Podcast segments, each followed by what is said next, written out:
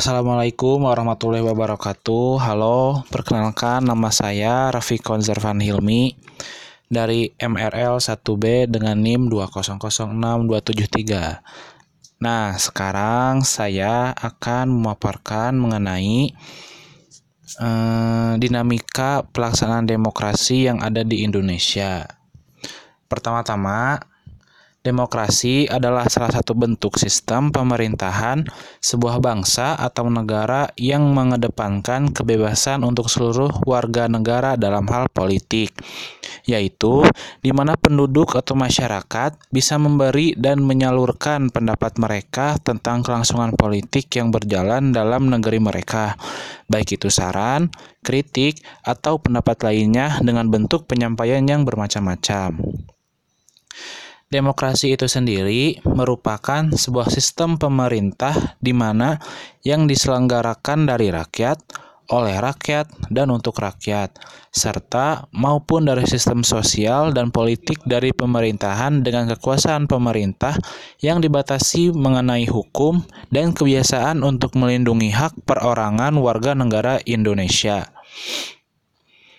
Menurut Muhammad Hatta, sebagai bapak demokrasi yang ada di Indonesia, kita sebagai warga negara Indonesia sudah mengenal tradisi demokrasi jauh sebelum Indonesia merdeka, yaitu demokrasi desa. Demokrasi desa atau desa demokrasi merupakan demokrasi asli Indonesia yang mempunyai ciri khas. Ciri khasnya itu berisi tiga hal ciri, yaitu yang pertama cita-cita rapat, cita-cita masa protes, dan cita-cita tolong-menolong. Ketiga unsur demokrasi desa tersebut merupakan dasar pengembangan ke arah demokrasi Indonesia yang lebih modern. Demokrasi Indonesia yang modern adalah daulat rakyat, tidak hanya berdaulat dalam bidang politik, tetapi juga berdaulat dalam bidang ekonomi dan sosialnya. Pelaksanaan demokrasi di Indonesia dari masa ke masa tidaklah sama, mengingat Undang-Undang Dasar pun berganti-ganti yang menyebabkan pergantian sistem pemerintahan. Demokrasi yang diterapkan setelah Indonesia merdeka adalah demokrasi parlementer, yang biasanya disebut dengan demokrasi liberal. Dalam demokrasi liberal itu membawa dampak ya membawa dampak terhadap Indonesia yang sangat besar, yaitu dalam mempengaruhi keadaan yang ada di Indonesia seperti keadaan politik pada masa itu.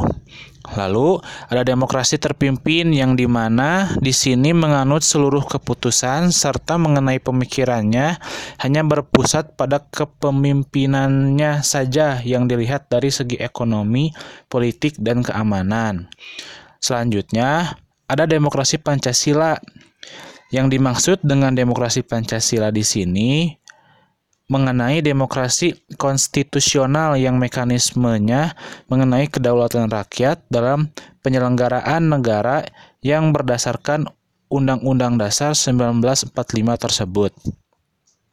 Demokrasi ini merupakan demokrasi konstitusional yang menonjolkan sistem presidensil.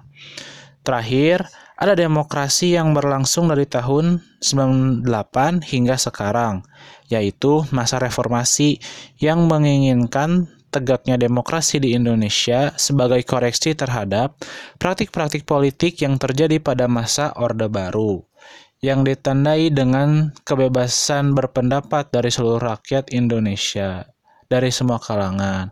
Nah, tadi itu merupakan dinamika demokrasi yang ada di Indonesia. Semoga informasi itu bermanfaat bagi kita semua.